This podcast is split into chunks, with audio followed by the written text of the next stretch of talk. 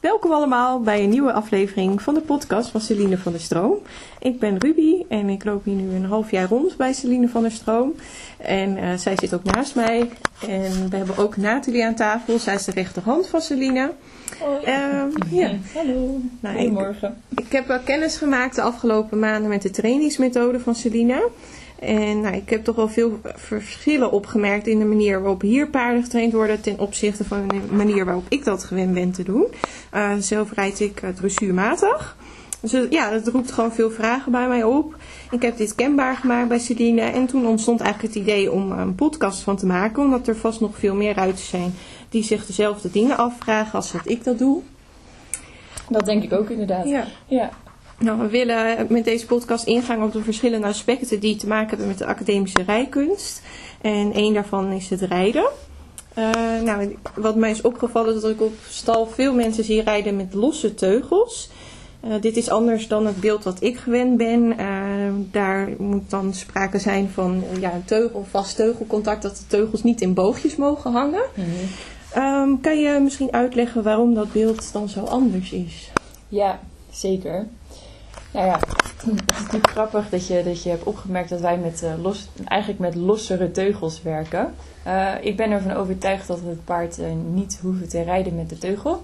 Maar dat we, de paard, dat het paard uiteindelijk echt kunnen rijden vanuit de zit. Um, wat ik um, zelf heel erg belangrijk vind, is ook om een paard op te leiden vanuit de zit. En natuurlijk hebben we daar in beginsel teugels voor nodig.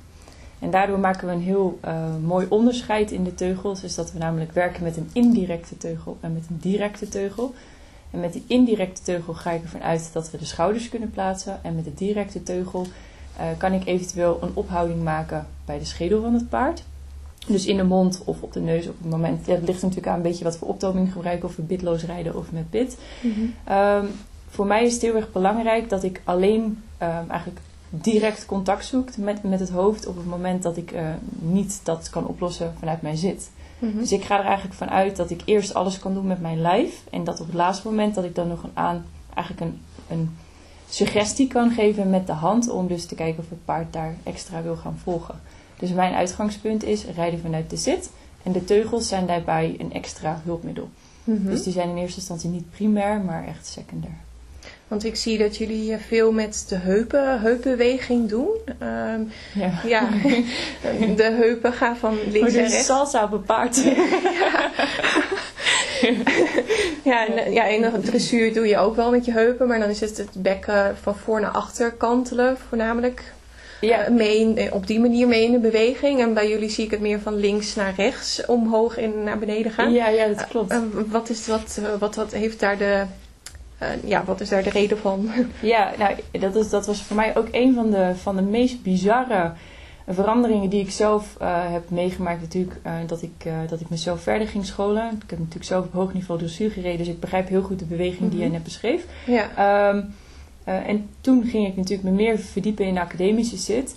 En toen kwam ik er eigenlijk achter dat de ribbenkast uh, niet alleen maar een, een op- en neerwaartse beweging maakt, maar ook daadwerkelijk een zijwaartse beweging. En dat noemen we dan rotatie. Mm -hmm. um, en wat we heel vaak merken is dat we wanneer we met een paard bijvoorbeeld over de volte heen rijden, en trouwens merk je het ook rechtdoor, um, is dat een paard één zijde van de ribbenkast meer omhoog draait. Dus je hebt eigenlijk dan altijd een klein beetje het gevoel dat je heup daar omhoog gedraaid wordt. Mm -hmm. Nou, wat je het liefst wil is dat je het paard kan helpen om in de juiste rotatie te komen. Uh, en dat doe je eigenlijk door een linker en rechter zit aan te houden. Dus dat je kan zeggen, oké, okay, ik stimuleer het paard linksom met de linker zit en rechtsom vanuit de rechter zit. En daar komt mm -hmm. die heupbeweging vandaan die jij net benoemde. Oké, okay, oké. Okay. Ja. Klinkt dat logisch? of wil je dat ik dat nog wat verder uitleg? Um, dan ga je meer mee in de, in de heup van het paard. Ja, eigenlijk wel. Waar we vanuit kunnen gaan is wanneer de ribbenkast van de paard. Stel, we hebben een paard die linksom gaat. Wat je natuurlijk dan het allerliefst wil, en dat is een beetje de, de termen die we dan gebruiken, is dat het paard buigt om je binnenbeen heen. Ik denk dat dat een term is die ja, jij ook heel ken goed ik. kent. Ja. Ja.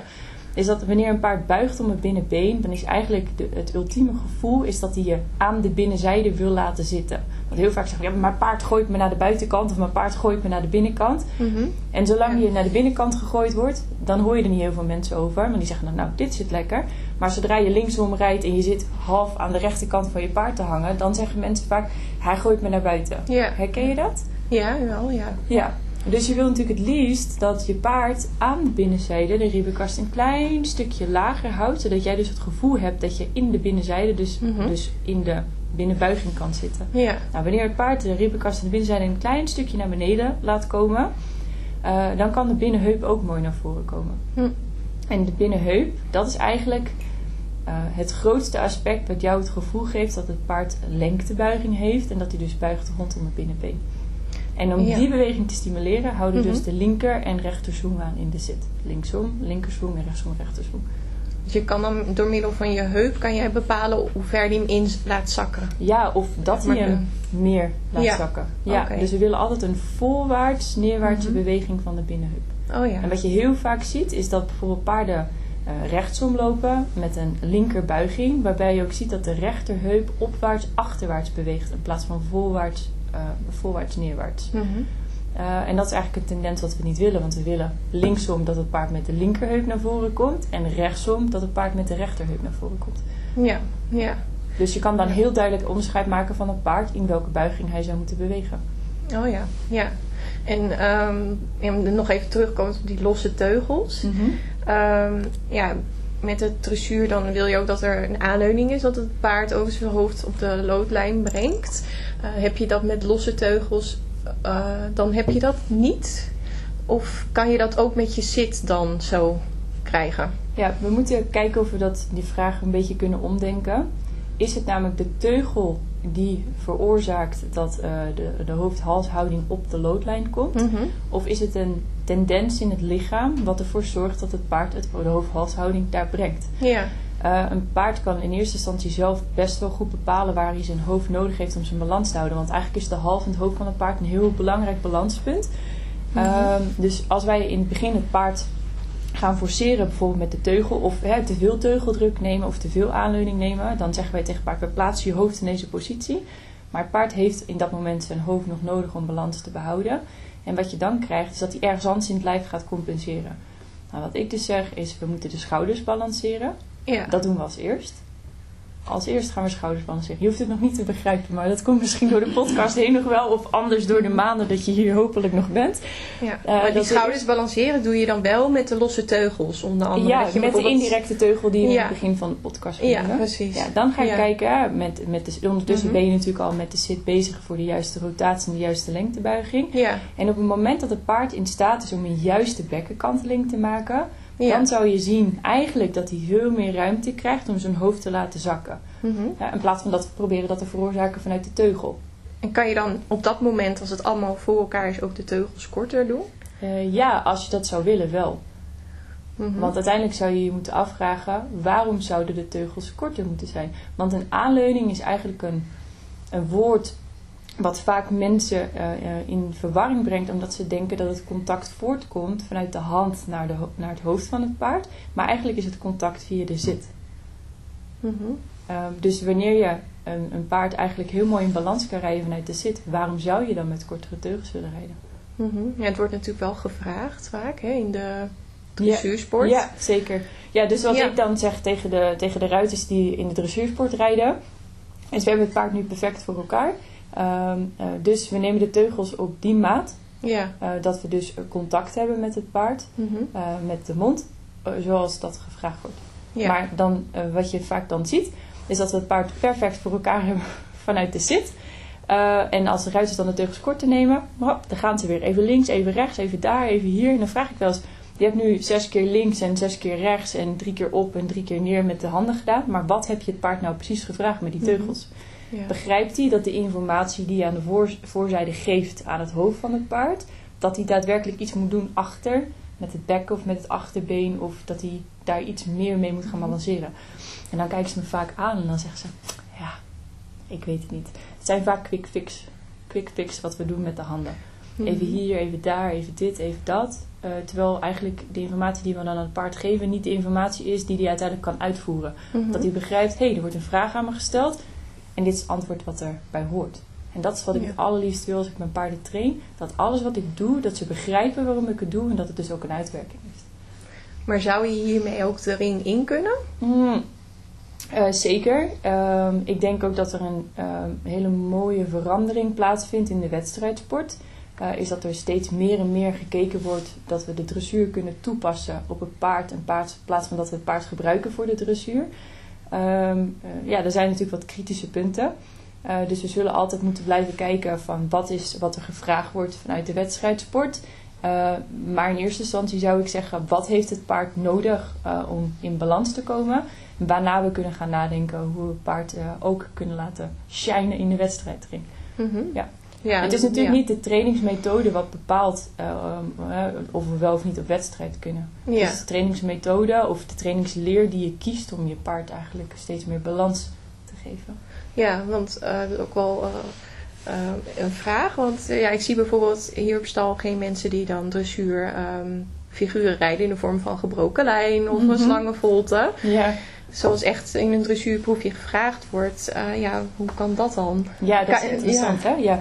ja, wat heel leuk is, is dat um, de, uh, de oefeningen uh, die in een dressuurproefje bijvoorbeeld staan, dat zijn allemaal tools waarbij je het balans van je paard kan controleren. of, uh, waarbij je het balans van het paard kan trainen. Wij gebruiken bijvoorbeeld uh, de dressuuroefening als de volte, de cirkel, gebruiken we heel veel. Maar wij gaan eigenlijk al sneller over naar travers, schouderbinnenwaarts, appiëmenten en zo verder. Mm -hmm. dus we gebruiken zeker de oefeningen, maar we gebruiken eigenlijk alleen maar die oefeningen waarvan wij denken dat we die nuttig kunnen inzetten als de scholing van het paard. Ja. Van het paard. Vind je dan dat bijvoorbeeld een slangenvolt of een gebroken lijn... Dan... Ja, ik gebruik uh, gebru uh, gebroken lijnen gebruik ik niet zo heel vaak. Uh, in de gebroken lijn zit natuurlijk iets interessants. Ja, vanwege de, de omschakeling van de buiging. Ja. Dus eigenlijk kan je het ook wel noemen dat dat een oefening is die je wat later in de scholing van het paard mee kan nemen. Want het eerste deel van de gebroken lijn, als je hem linksom rijdt, is links gebogen. Daarna kan je hem ombuigen ja. naar rechts en weer terugbuigen naar links. Het is best wel moeilijk om uh, in eerste instantie een paard correct in de linker lengtebuiging te vragen. Mm -hmm. Correct om te schakelen naar de rechter lengtebuiging en weer terug te gaan naar de linker lengtebuiging. Dus dat is een heel interessante oefening waarbij je dus eigenlijk het balans van het paard kan gaan trainen. Ja. Als we dan kijken naar slangenvoltes, dat is iets wat ik extreem vaak gebruik. Mm -hmm. Ja, de slangenvoltes gebruik ik heel veel, omdat je daar heel mooi de schouders kan plaatsen van het paard. Uh, je kan heel mooi werken aan de omschakeling van de lengtebuiging. Uh, en je hebt ietsjes langer de tijd dan tijdens een uh, gebroken lijn. Ja, ja, dat is waar. Ja. ja. Het gaat best wel snel achter dus, elkaar. Ja, in een gebroken lijn kan je natuurlijk ietsjes lang, of bij slangenvolts kan je ietsjes langer de tijd nemen. Je kan kiezen, neem je met drie bogen, neem je met vier bogen. En uiteindelijk is het mooi als je het bijvoorbeeld in galop kan met changement en dan met twintig bogen. Ja. Lachen. Ja, ja in, in een betere... Dat doen wij namelijk hier gewoon dagelijks. Nee, want in een betere zuurproefje, dan moet je al best wel veel figuren kunnen rijden. Ja, ja. ja dus, dus eigenlijk wat een B-dressuurproefje zegt, is dat je de basis heel goed moet beheersen. Ja. Ja. ja. Dus eigenlijk voordat je aan wedstrijden begint, uh, in de B, dan zou je, dat, dat duurt wel even eigenlijk voordat je dat echt correct kan doen. En dat zou wel zo moeten zijn, ja. Ja, precies. Ja, ja, ja. zeker. Dat zou wel zo moeten zijn. Um, en, en vaak... Um, denken we B, oh, oh, weet je wel, oh, simpel. Maar eigenlijk Ja. is B, is de oefeningen in de B zijn essentieel voor de oefeningen in het Z. Dus ik zou alle ruiters zou ik aanraden om eens een B-proef te rijden. En dan maar eens te kijken van ja, waar zitten nou eigenlijk de knelpunten die je nog tegenkomt in zo'n sim- simpel proefje. Ja. Dus aanhalingstekens. ja, precies ja, ja. Ben je nou in staat om een paard echt goed, een paard echt om, goed om te schakelen? Eh, van linker, rechter buiging en zo verder. Ja. Hoe soepel gaat dat nou eigenlijk? Waar zitten nog de storingspuntjes? Ja, Ik vind dat altijd heel interessant. Oh ja, ja, Ja. heel grappig. Ehm, nou, dus, heb je nog iets te vertellen over het rijden of zullen we naar het grondwerk? Ja, wat jij ja. wil. Ik denk, ik wil alles vertellen. Ja. ja. Ehm, nou ja, het grondwerk. Nou, het ja, dus jullie doen natuurlijk veel oefeningen aanleren via de grond aan het paard. Ja, Ehm travers hadden we het al over. Ja. Schouder binnenwaarts. Ja. Wijken, denk ik. nee, Of- die gebruik ik zelf niet. Oké, Nee. oké. Nee. Dat is wel interessant. Waarom gebruik je wijken niet en appiëment wel? Eh, ja, eh appiëment eh, is natuurlijk travers. We hebben twee oefeningen in de... eh, we hebben schouder binnenwaarts en travers.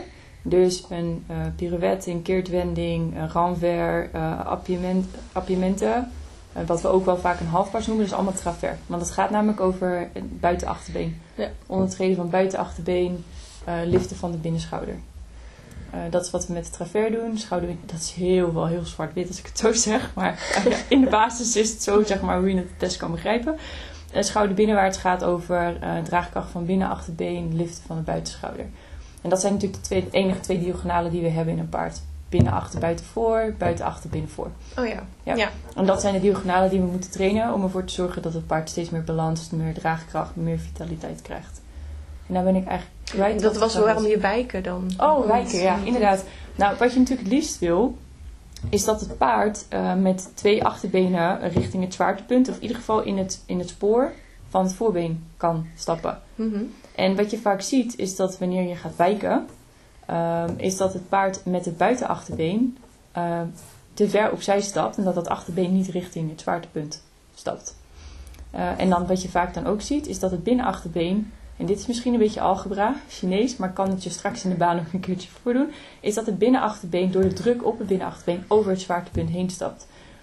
Uh, en dat wil je niet, want je wil juist een achterbeen leren richting het zwaartepunt te stappen, zodat hij daar eigenlijk op de meest effectieve plek is om daar dus een schouder te kunnen, kunnen liften of daar draagkracht te genereren, zodat we de plaatsing van de achterbenen correct hebben. Dat is de reden waarom ik geen wijken gebruik. Neemt niet weg dat ik over een jaar de manier gevonden heb dat ik uh, kan wijken en dat ik daar achter sta. En dat ik dus kan zeggen, oh nu gebruik ik het wel, want als ik het op deze en deze manier toepas, Mhm. dan Ja. doe ik het. Maar eigenlijk wil ik dat achterbeen, dat buitenachterbeen in het wijken, nooit leren om uit de richting te stappen.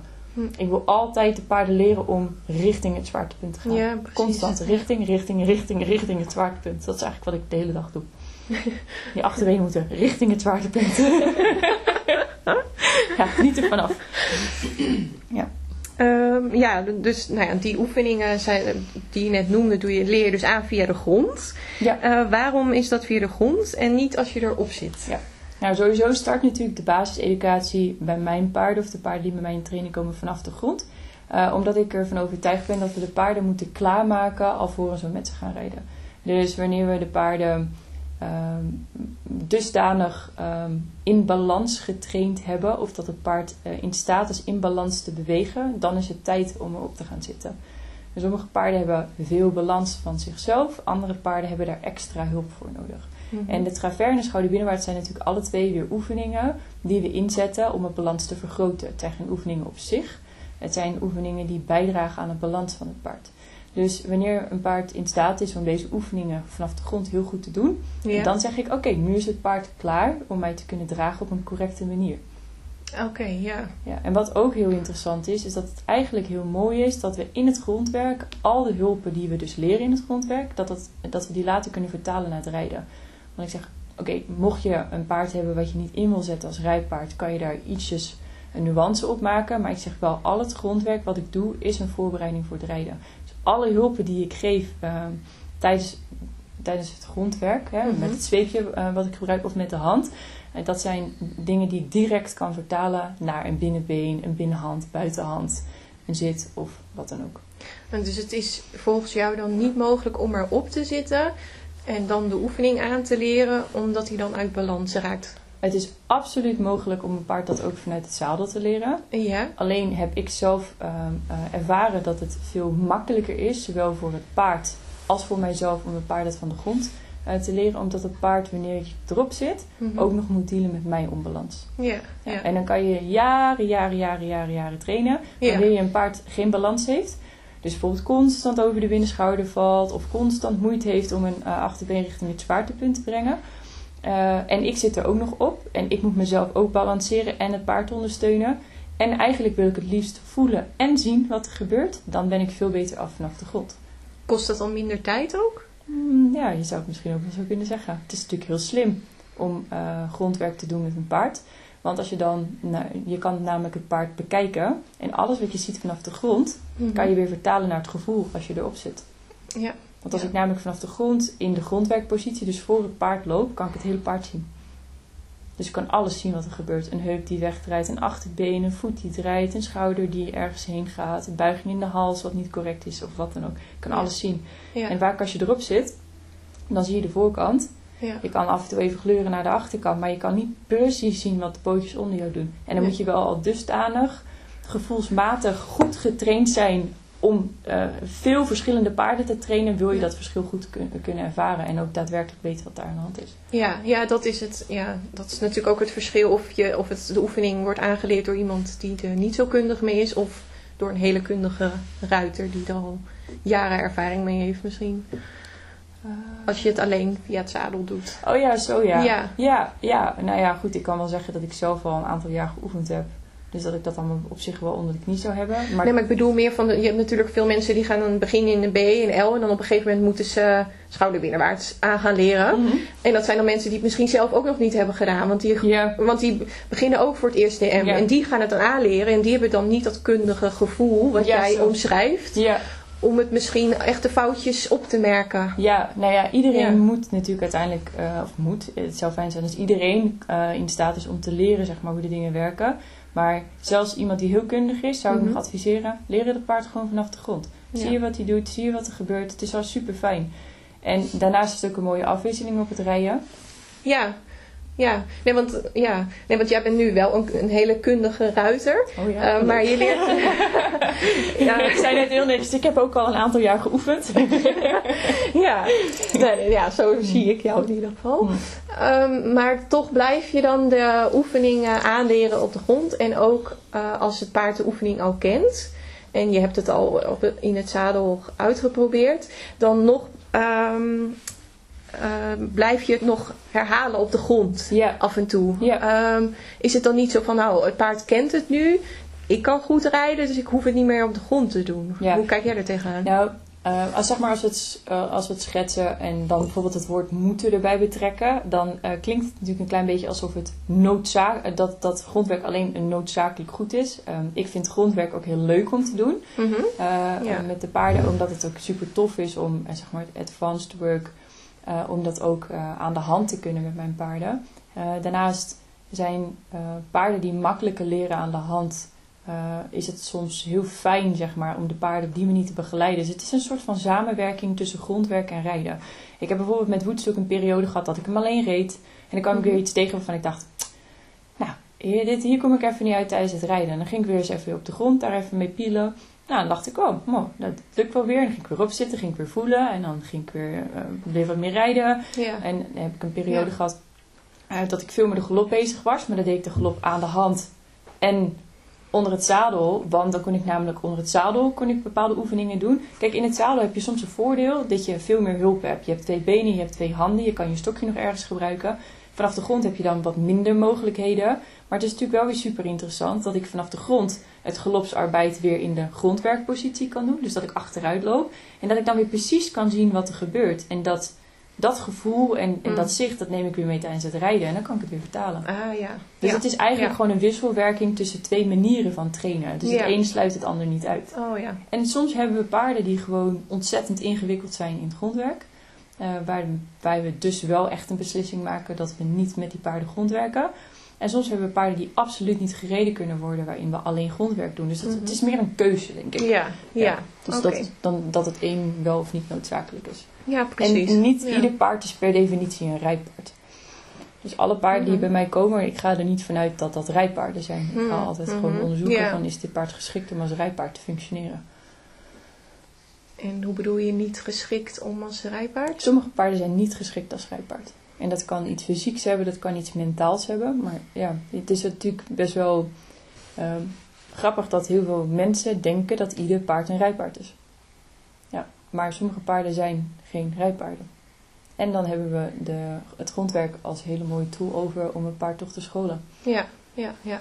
En als je dat dan eh, nog en dat je het leuk vindt, dan kan je Ja. dat in ieder geval met je paard eh Ja, ja, zeker. En er zijn heel veel mensen, en dat herken ik heel goed, want ook vroeger, vroeger had ik dat natuurlijk zelf ook. dat, ik, eh, eh, dat ik dan eh revalidatietraining moest gaan doen met Woodstock. En dat ze zeiden dat ik naast mijn paard moest gaan lopen. Toen zei ik, jullie zijn allemaal gestoord. Ik ga er wel gewoon op zitten en ik ga helemaal niet naast mijn paard lopen. Ja. Doei. En dan liep ik daar met mijn hele stijve rijlaarsjes door die, door, die, door die zandbak heen te baggeren. Na tien minuten was ik zagrijnig, want dan deden mijn benen zeer. dacht, dit is helemaal niks. En als je je dan toch wel verder erin verdiept, dan op een gegeven moment kom je er toch wel op uit dat je denkt, ja, er zit toch wel meer in. En soms heeft het een klein beetje aanpassingsvermogen en doorzettingsvermogen nodig om eh, Ja. het nut ervan in te zien voor, Mhm. voor zowel jezelf als voor het paard. Dat heeft Ja. mij namelijk heel veel gebracht. Ja, ja, precies. Ja. En ik was best wel een stijve dressuurruiter. Mhm, Een ja. omhooggevallen dressuurkuttel, ja. zoals mijn vader mij vaak noemde. Lekker aardig. maar het was wel dus je, zo. maar, je kan maar weten de waarheid horen. Ja, ja. dat is gewoon zoals het was. ja, nou dan wil ik straks ook nog even over horen waarom jij daar dan toch voor gekozen hebt. Ja, dat mag. Als, eh, alles weten. Als echte dressuurruiter. Ja. Ehm, nou, dan hebben we, ja, we hebben nog een ander aspect, dat is de leading training. Ja. Dat is, eh, nou ja, wat ik dan zie, dat je achteruit loopt en het paard op die manier leidt. Ehm, en ook, eh, nou ja, wat ik ook heb gezien is dat je dan met het paard aan de hand draaft. Dat hij Mhm. jou volgt en dat je stilstaat, dat het paard ook stilstaat. En, Ja. Nou, ja, nou en wat je ook wel veel doet is werken op de volte. Ja, ja inderdaad. En, Eh, Ja, ja. nou waarom, eh, misschien kun je wat vertellen over de reden waarom je leading training doet. En waarom je veel werkt op de volte. Ja, ja leading training is omdat ik, eh, ik heb de overtuiging dat de, de africhting of de scholing van een paard niet start in de rijbak. Ja, wanneer we het paard dus klaar gaan maken om bruikbaar te maken als rijpaard, zeg maar. Eh, maar dat de scholing al start wanneer we een paard iets met een paard moeten gaan doen. Dus zodra het paard in handen komt, eh, moeten we iets met het paard gaan doen. We moeten een paard leren hoe die met mensen om moet gaan. We moeten een paard leren wat bepaalde dingen begin, eh, wat het betekent. Hè? Dus dat is het begin eigenlijk van, van de training. En dat noem ik eigenlijk leading training. En leading training is niks anders dan dat ik het paard vertel ehm, hoe ik zou willen dat hij op mij reageert. Dus in de leading training doe ik stop, stap, achterwaarts. We bepalen de positie Ja. eh, waar die mag lopen. Ehm, we bepalen eigenlijk al hoe die eh, met mijn lijf om zou moeten gaan. Want eh, wat ik het allerbelangrijkste vind is dat mijn paard weet dat mijn lichaam betekenis heeft voor hem. Net zoveel als dat zijn lijf betekenis heeft voor mij. En dat zijn de dingen die ik eigenlijk al aan het regelen ben tijdens de leading training. Want heel vaak gaan we al door met van alles gymnastiseren en dingen. En dan kom ik wel eens de bak in mijn klant en dan kijk ik ernaar en dan denk ik bij mezelf... Oeh, dat paard dat moet je constant corrigeren omdat eigenlijk de leading training nog niet klopt. ja, En de leading training is zo essentieel dat als de leading training klopt, dat je eigenlijk niet zoveel discussies meer hoeft te voeren over mijn ruimte, zijn ruimte. Het paard loopt tegen de hand, hij loopt door me heen, hij loopt Mhm. over me heen. Ik kan hem niet begeleiden vanaf de stal naar de bak. Eh, ik heb moeite met opzadelen, ik kan er niet opkomen. Hè? Dat soort dingen allemaal, dat ondervang ik allemaal met leading Ja, training. ja, ja. En dan het werk op de volte. Ja, Ja, de Volt is voor mij gewoon een tool ehm, waarin ik het paard eh, het beste kan begeleiden. Voor een paard wat eigenlijk heel veel onbalans heeft, of ieder paard heeft uiteindelijk onbalans wanneer we starten met trainen, eh, is rechtdoor lopen ontzettend moeilijk. Dus daarom starten we eigenlijk altijd op de voeten. Ah. En ehm, waarom herhaal je dat dan vaak? Dat je veel, ja, dat het een tijdje doorgaat? Ja, omdat we uiteindelijk op zoek zijn eh, naar bijvoorbeeld een stukje schouderbalans, naar een stukje lengtebuiging, naar een stukje plaatsen van een achterbeen. En ik eh, probeer wel zo goed mogelijk, ik ben natuurlijk heel perfectionistisch, maar ik probeer het zo goed mogelijk aan te houden wanneer ik een bepaald resultaat gevonden heb bij een paard. Mhm. Wat realistisch is voor die dag, dat ik dan constant probeer van hand te veranderen. Ja. Dat ik, dat ik een paard eigenlijk uitleg hoe we dat stukje balans kunnen vinden eh, op de volte. Mhm. Eh, en dan zeg ik, oh fijn, dat hebben we nu dan gevonden. En in plaats van dat ik het probeer vol te houden, probeer ik het iedere keer opnieuw te zoeken. ja. En dat is waarom eh, voor mensen die dan langs de kant zitten, soms zitten te kijken, denken, jeetje, die giet, die loopt alleen maar rondjes met die paarden. ja, nou, in beginsel ziet het er ook wel zo uit. Maar op het moment dat je mij daarbij zou horen uitleggen waar ik naar op zoek ben, en je zou heel kritisch gaan kijken, dan zal je inderdaad zien dat het gaat over schouderbalans, over het aanleren van de hulpen, over Mhm. ja, wat ik net zei, in plaats van een achterbeen of eh, meer naar voren vragen van een binnenheup en zo verder. Ja. Ja. En is dat voor het paard ook eh, een uitdaging om dat eh Eh, ja, eh, uiteindelijk te doen? kan je het vergelijken met gym voor jezelf. Oh ja. Eh, dus ja, het is zeker een uitdaging. Veel mensen zeggen ook ja, Eh, maar eh, mijn paard moet op conditie blijven en zo. Eh, Ja. Ik weet dat ik best wel stevig kan trainen met de paarden. Eh, dus eh, mijn paarden blijven op conditie. Eh, natuurlijk in de aanleeffase is soms het hoofd wat sneller vol dan dat het lichaam moe is. Maar dat zijn twee dingen die natuurlijk ook weer heel erg nauw met elkaar samenwerken. Mhm, Ja. ja. je hoeft een paard niet per se een uur lang door de bak heen te jekkeren om ervoor te zorgen dat hij daar zijn bewegingje gehad heeft, zeg maar. Nee, dat zegt nou, nu zal die wel voldaan zijn. Want eigenlijk is de, het uit, of, of de, de uithoudingsvermogen mentaal, eh, daarvoor is het niet belangrijk om een uur lang daarop flink te gaan zitten knallen. Ja, en Liever en, zelfs eh, korter, zodat het paard eigenlijk eh, veel meer aangesproken wordt op zijn herinnering. Dat hij zegt, oh wacht even, dat voelde zo. Zodat we steeds meer balans kunnen krijgen. En, en met het op de volte krijgt hij ook lichamelijk genoeg Zeker. inspanning. Ja, Ja. ja, denk maar eens aan jezelf op een yogamatje. Ik beweeg niet zoveel als ik op een Ja, lig. ja, ja, dat is Ja. wel een goed voorbeeld. En als ik dan een, na een uur die les uitkwam, dan denk ik de volgende keer doen we een half uur. ja. ja, precies. Ja. Je, hoeft niet, je kan ook heel goed sporten als je yoga of pilates doet. En zweet je ook niet super. Nee. En want een paard zweet hier dan ook niet heel erg van. Dat hij nat van het zweet is of zo. Maar dat is hij... grappig, hè? Want, want zweet wordt vaak gerelateerd aan hard werken. Ja, ja. Ja. Ja. Oh, dan heeft hij echt goed gewerkt met Ja, paard. Want ja. hij staat ik- lekker te dampen, weet je wel. Als ik zweet, dan denk ik echt dat ik te veel gedaan heb. Ja. Vind je dat van je paard dan ook? Ja, ik, eh, bijvoorbeeld, dat zie ik bijvoorbeeld met de training van Elegant. Daar ben ik nu bezig met galopsarbeid. Het, doet- het, het kost haar zoveel moeite, Ja. de galop, dat ze daar dus van zweet. Mhm. En eh, nu, hoe langer ik het met haar aan het trainen ben, hoe minder ze dus zweet. Ja. En is dat dan uithoudingsvermogen of is dat de moeite die het haar kost om in balans te kunnen galopperen? Ja, ja. Ja, ik denk het laatste. Mhm. Ja, en natuurlijk als ik mijn paard door het bos heen knal, eh, eh, en dat doe ik een half uur lang, dan zweet hij. Ja. Dat is niet heel gek. Ja. Ja, dus het is heel erg belangrijk om dat in het oog te houden. Ja, waarom zweet mijn paard?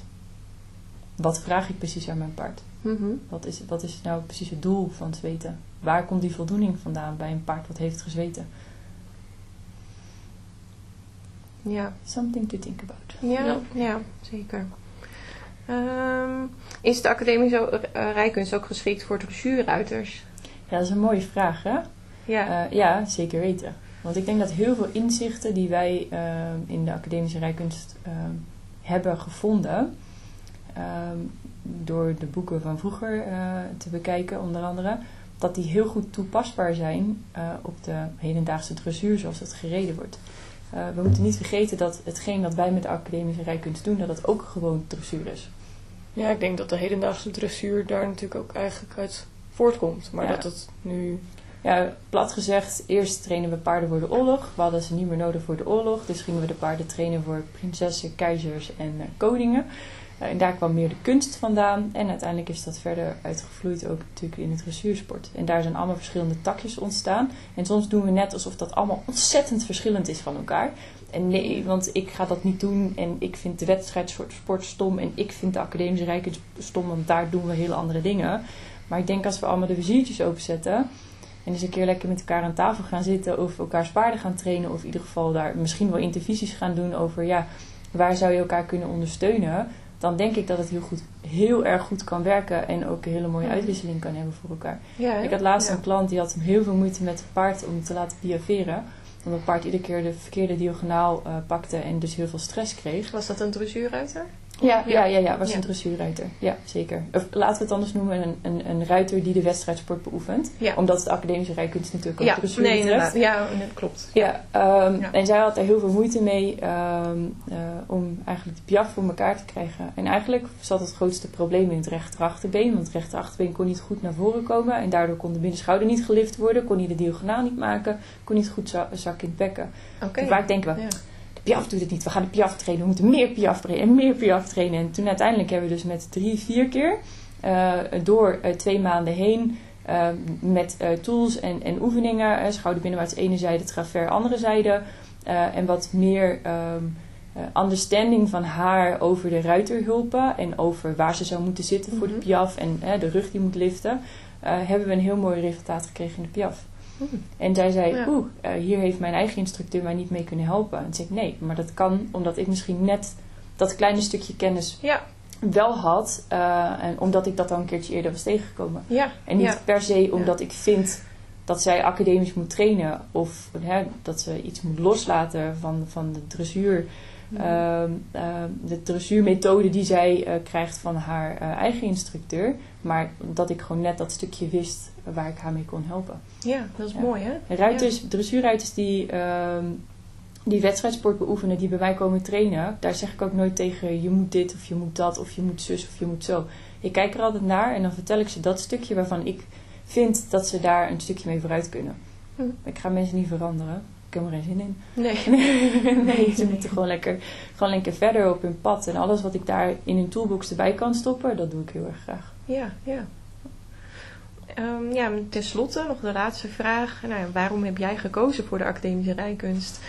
We houden hem kort. Ja, dat is natuurlijk wel een hele Ja. lange vraag eigenlijk. We kunnen Ja. ook nog een keer een andere podcast over opnemen. Ja, ja, dat is misschien wel een hele leuke. Ja, ik was natuurlijk een mega super fanatieke wedstrijdruiter. Ik deed natuurlijk springen en dressuur. En ik vond het altijd gewoon heel tof om op wedstrijd te gaan. Ehm, En je reed ook set, hè? Met je pony. Voordat je... Ja. Ja, voordat ik Woods inderdaad eh, kocht. Maar ja, soms zijn er wel eens dingen die net even anders lopen. Is dat je dus een ander paard koopt. We hadden toen mijn pony verkocht. Ehm, en toen na een tijdje bleek dus dat er ehm, iets niet helemaal klopte met Woodstock. Nadat hij een periode verplicht op rust had moeten staan. Omdat ik zelf even niet kon rijden. Eh, toen hebben we het laten nakijken in de kliniek. En toen bleek dus dat er ontzettend met Woodstock gerommeld was voordat hij eh, bij ons kwam. Ehm, de arts had hem, eh, heeft natuurlijk gewoon zijn x-rays gehad en de klinische keuring en die heeft hem goedgekeurd. Nou ja, en heel veel meer van paarden dan wat de dierenarts mij vertelde, wist ik toen niet. Eh, en toen zei de arts eh, in de kliniek, ja, dit paard heeft zulke slechte knieën achter, dat het beter is als je hem in laat slapen. En dat wilde ik niet. Dus toen heb ik hem in huis genomen. Maar wij hadden toen maar gewoon geld voor één paard. Dus ja, dat was het. Dus dat was op dat moment met die beslissing het einde van mijn dressuurcarrière. Omdat ik ervoor koos om met Woodstock verder te gaan. En dat heeft eh, natuurlijk heel veel moeite gekost en doorzettingsvermogen. En ook heb ik altijd in mijn achterhoofd gehouden dat tijdens de revalidatie van Woodstock dat ik weer dressuur ging rijden op het moment dat ik hem weer op de been had. Eh, maar toen had mijn kennis en manier van trainen al zo'n verschuiving gekregen dat ik me steeds meer ging focussen op revalidatie van paarden. Eh, ook mentale revalidatie. Dat dat eigenlijk zo de overhand heb genomen dat ik er later niet meer over nagedacht heb om terug te gaan de wedstrijdsport in. Ja. Ik sluit het niet uit dat het niet ooit weer eens gaat gebeuren. Eh, maar ja, voor nu is dat de reden geweest waarom ik eh, gestopt ben met de wedstrijden. En waardoor ik in de academische rijkunst mijn weg heb gevonden om eh, te starten met de revalidatie. Ik deed eerst heel veel, heel veel horsemanship. En in de horsemanship miste ik dat stukje aansluiting op biomechanica en de daadwerkelijke revalidatie met knieën eh, en zo verder. Omdat ik niet helemaal goed begreep hoe eh, de manier van horsemanship bij ging dragen aan het fysieke eh, opknappen van mijn paard op dat moment. Toen ben ik verder gaan zoeken, toen ben ik in aanraking gekomen met de academische rijkunst. En dat heeft mij zoveel handvatten gegeven dat dat daarom ook de rode draad is geworden in mijn trainingen van nu. Mhm. Het is niet alleen dat ik alleen natuurlijk academische rijkunst doe. Ik focus me ook Ja. op centered riding en andere vormen van horsemanship. Maar dat is wel de rode draad geworden. Ja, ja. Dus eh, dat is in de notendop. Ja. Als het al notendop was. ja, moeilijk om het natuurlijk heel kort te ja, vertellen. het is natuurlijk Ja. eigenlijk een heel complex en heel lang Ja. verhaal. Maar het is echt helemaal prima om het zo te vertellen. Ja. Nou, heel erg bedankt voor het... eh, Ja, heb ik je vragen een beetje kunnen ja, beantwoorden? ja, ik heb echt eh, heel veel geleerd en ik snap Ja. het nu ook veel beter. Ja, Ja. leuk. Misschien moeten we gewoon van de week lekker aan de slag. Ja, lijkt me leuk. Gaan kijken hoe het ja, allemaal zit. precies. Ja. Ja.